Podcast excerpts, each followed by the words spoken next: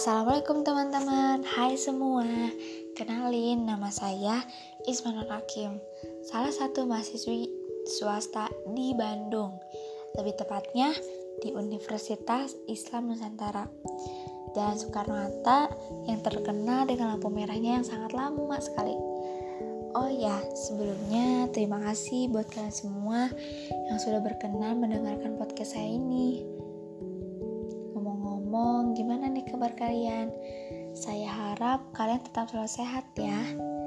Oke, jadi topik yang saya akan bahas ini adalah tentang anak tunagrahita.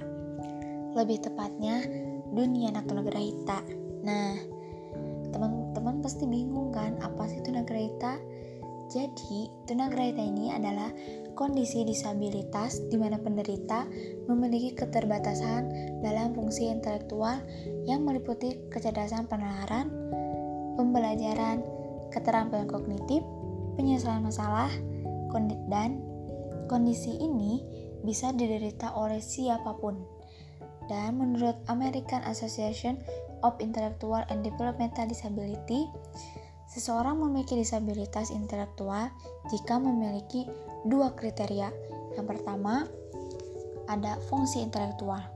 Memiliki IQ di bawah 70 sampai 75 dan untuk IQ normal adalah 91 sampai 110. Yang kedua, ada fungsi adaptif. Memiliki keterbatasan yang signifikan dalam dua atau lebih bidang perilaku adaptif yang meliputi keterampilan hidup, bersosialisasi di masyarakat, keterampilan komunikasi, perawatan diri, atau kemampuan bekerja. Nah, teman-teman, jadi tunagrahita ini memiliki beberapa tingkatan hambatan. Tidak semua anak tunagrahita memiliki hambatan yang sama loh. Yang pertama, ada tunagrahita ringan mempunyai tingkat IQ yang berkisar antara 50 sampai 70. Meskipun mengalami hambatan pada kecerdasan dan adaptasi sosial, namun masih mempunyai kemampuan di bidang akademik, penyesuaian sosial, dan kemampuan untuk bekerja. Yang kedua, ada tunagrahita sedang. Biasanya dideteksi sejak bayi atau sejak usia dini karena keterlambatan perkembangan yang terlihat jelas Sebagian anak mempunyai kondisi fisik yang terlihat jelas, berbeda dengan anak yang lainnya, terutama dari segi wajah. Namun, ada pula beberapa anak yang fisiknya tampak normal. Tingkat IQ-nya itu di antara angka 30 sampai 50. Pendidikan yang bisa diselesaikan oleh anak ini biasanya setingkat dengan kelas 2 sekolah dasar. Yang ketiga, ada tunagrahita berat. Inteligensi anak yang mengalami ini termasuk yang sangat rendah dan tidak dapat menerima atau menjalani pendidikan secara akademis seperti dua kriteria sebelumnya. Dengan tingkat IQ yang rata-ratanya 30 ke bawah, anak dalam kriteria ini akan membutuhkan bantuan orang lain untuk melakukan kegiatan sehari-hari seperti mandi, memakai baju, dan kegiatan sehari-hari lainnya. Nah, Tunagrahita ini banyak sekali penyebabnya. Bisa dari komplikasi kehamilan, masalah kelahiran, penyakit atau cedera serius. Tapi saya kebanyakan menemui anak tunagrahita yang penyebabnya dari lingkungan mereka yang kurang baik. Dan kebetulan saya sebelumnya pernah magang di salah satu SLB di Bandung. Dan saya mendapatkan beberapa cerita tentang eh, pelajar beberapa pelajar di sana dari guru pembimbing saya. Salah satunya ada P dan F. Mereka termasuk anak tunagrahita ringan. Di sini saya akan membahas tentang P terlebih dahulu. Dia berjenis kelamin perempuan, berparas yang wajah yang sangat cantik sekali, memakai jilbab. Dia terlihat sangat normal seperti anak biasa seusianya hingga saya pada awal bertemu sangat kebingungan sekali. Dia termasuk ABK dari mananya? Ternyata dia termasuk anak tunagrahita ringan. Kenapa dia seperti ini? Karena pada awalnya dia terlalu ditekankan oleh orang tuanya. terutama ayahnya karena ayahnya ini sangat agamis sehingga dia terlalu ditekankan kepada agama. Jadi P ini secara tiba-tiba sakit panas panas sekali sehingga dia mengalami gangguan pada otak dan sistem syarafnya yang ke, sehingga dia dipindahkan sekolahnya di SLB karena dia tidak bisa mengikuti pembelajaran di sekolah umum seperti biasanya. Tetapi P ini jika dibandingkan dengan lainnya, P merupakan anak yang lebih unggul. Selanjutnya ada F. Dia anak laki-laki. Dia sama seperti P, tertekan oleh orang tuanya. Dia awalnya sekolah di sekolah umum. Dia seperti ini karena karena ayahnya yang terlalu keras, sering memarahinya, sering memukulnya. Dan dia ini menurut salah satu guru termasuk korban dari anak broken home. Ya, jadi orang tua F ini bercerai sehingga kemungkinan mental beliau terganggu. Mungkin sering kali kita menemukan orang yang berprestasi di bidangnya. Mereka memiliki kecerdasan intelektual yang di atas rata-rata manusia lain pada umumnya. Contohnya ada Albert Einstein yang mampu menemukan teori relativitas. Ada seorang insinyur yang luar biasa cerdas di Korea Selatan yaitu Kim Ung Yong dan di Indonesia pun kita mempunyai tokoh yang memiliki tingkat intelektual tinggi yang di banyak disenangi oleh beberapa anak milenial yakni B.J. Habibie. Lalu apakah mungkin mereka yang memiliki kecerdasan intelektual di bawah rata-rata bisa memiliki prestasi seperti mereka pada bidangnya masing-masing?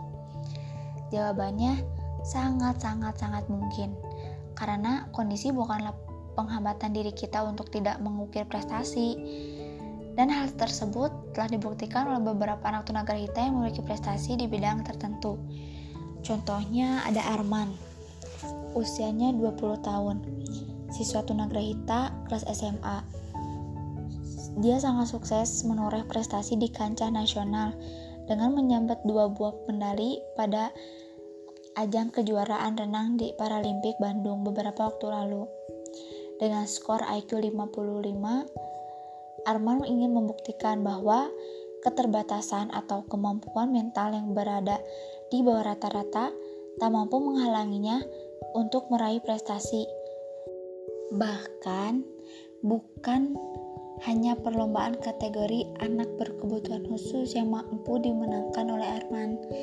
Namun dirinya juga tak gentar untuk bersaing dalam kejuaraan renang kategori umum di Jakarta pada tahun 2013 lalu. Bahkan tahun lalu ia pun terpilih menjadi salah satu atlet Indonesia untuk kejuaraan di ASEAN Para Games Singapura. Tentu proses yang dilalui oleh Arman bukanlah sebuah proses yang instan. Di balik kegemilangan prestasi yang diraih oleh Arman, tentu ada sebuah proses yang luar biasa yang harus dilalui oleh Arman untuk membuktikan bahwa kemampuan mental yang dimilikinya bukanlah penghalang bagi dirinya untuk berprestasi di bidang olahraga renang. Ia perlu berlatih setiap hari di sebuah klub renang di kota Solo. Sepulang sekolah, ia selalu menyempatkan waktu untuk berlatih walau memang ada rasa lelah yang harus dipukul olehnya. Karena setiap hari ia harus mengasah skill berenangnya agar mampu memenangkan kejuaraan lomba renang dan membuktikan kepada dunia bahwa kondisi diri bukanlah penghambat bagi dirinya untuk terus mengukir prestasi. Dan masih banyak anak tunagrahita lain yang memiliki prestasi yang sangat mengagumkan. Itu semua bisa dijadikan motivasi kita untuk semua agar bisa lebih mengembangkan bakat kita. Karena akan sia-sia jika kita tidak bisa mengembangkan bakat yang kita miliki. Padahal bisa saja bakat itu sangat memberikan keberuntungan untuk kita.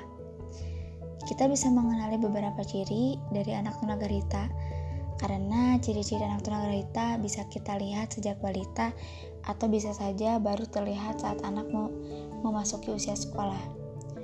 Kondisi disabilitas mental parah juga bisa berpengaruh pada masalah kesehatan anak seperti kejang, gangguan motorik, masalah pendengaran, dan penglihatan. Ada juga ciri lainnya, yaitu anak yang memiliki gangguan mood seperti kecemasan, autisme, dan lain-lain. Kita juga bisa mendiagnosis anak tunagrahita. Ada tiga faktor untuk mendiagnosis anak tunagrahita, yaitu dengan cara observasi pada tingkah laku anak, uji kecerdasan IQ, dan perilaku adaptif, wawancara dengan orang tua tentang perkembangan anaknya, dan ada beberapa hal yang dapat dijadikan indikator, yaitu kemampuan anak untuk berinteraksi dengan teman-teman seusianya, cara berkomunikasi dengan orang lain, dan cara berperilaku pada kesehariannya. Jika anak memiliki penurunan baik dalam IQ atau perilaku adaptif, maka anak tergolong anak disabilitas intelektual. Terus, gimana sih cara kita menghadapi anak tunagrahita? Soalnya kita sering bingung kan, gimana cara menanganinya, ini harus kayak gimana, ini gimana. Nah, keterbatasan kecerdasan pada anak tunagrahita merupakan kendala krusial dalam pembelajaran. Anak dengan keterbatasan inteligensi tidak bisa bersaing dengan siswa yang normal, sehingga mereka sering menjadi bahan ejekan di kelas. Terkadang ada beberapa anak yang sampai tidak ingin tidak ingin masuk lagi sekolah karena mereka terlalu takut dengan teman-temannya yang sering mengejeknya. Selanjutnya, materi pembelajaran bagi anak tunagrahita harus dirinci mengingat mereka mengalami keterbatasan dalam berpikir abstrak. Walaupun seperti itu, materi yang bersifat akademik tetap diberikan sampai mereka memperlihatkan ketidakmampuannya.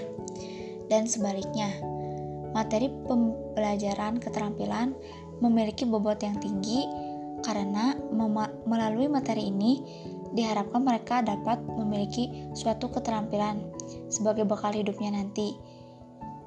Karena kebanyakan setelah lulus dari sekolah, mereka kebingungan harus melakukan apa, kegiatan apa lagi harus mereka lakukan selain sekolah, karena mereka tidak memiliki kemampuan lain. Maka dari itu, anak berkebutuhan khusus harus memiliki kemampuan dan keterampilan agar bisa melanjutkan hidupnya, agar bisa memotivasi dirinya sendiri untuk terus hidup dan berkembang. Selanjutnya, materi pelajaran bina diri bagi anak tunagrahita juga harus diprogramkan secara rinci dan mendapat bobot yang tinggi, karena tidak dapat mempelajari hal itu hanya melalui pengamatan seperti yang dilakukan oleh anak normal. Strategi pembelajaran yang bisa dipakai untuk pembelajaran anak tunagrahita adalah strategi pembelajaran yang diindividualisasikan, di mana mereka belajar bersama-sama dalam satu kelas. Tetapi kedalaman dan kekuasaan materi, pendekap pendekatan atau metode maupun teknik berbeda disesuaikan dengan kemampuan dan kebutuhan setiap peserta didik. Karena jika tidak bisa disesuaikan, mereka akan merasa tidak nyaman dengan pembelajaran yang mereka ikuti.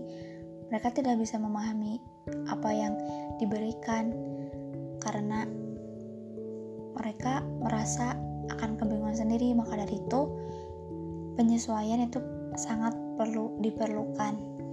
Namun demikian, dapat pula menggunakan strategi lainnya seperti strategi kooperatif dan strategi modifikasi tingkah laku. Metode mengajar juga harus dipilih agar anak belajar dengan melakukan dengan praktek rangsangan yang diperoleh melalui motorik akan cepat di pusat berpikir dan tidak mudah dilupakan. Nah, alat dan media juga yang digunakan dalam pembelajaran anak tunagrahita harus memperhatikan beberapa kriteria. Contohnya, anak memiliki tanggapan tentang yang dipelajarinya tidak mudah rusak, tidak berbahaya, tidak abstrak, dapat digunakan anak, dan mudah diperoleh. Nah, teman-teman, jadi itu sedikit bahasan tentang tentang tentang anak tunagrahita yang saya bahas. Mungkin saya sudah banyak bicara juga. Terima kasih buat kalian sudah mendengarkan podcast ini. Semoga ini menambah ilmu buat kalian, terutama buat saya juga. Terima kasih, sangat-sangat berterima kasih jika kalian sudah mendengarkannya. Wassalamualaikum warahmatullahi wabarakatuh. Música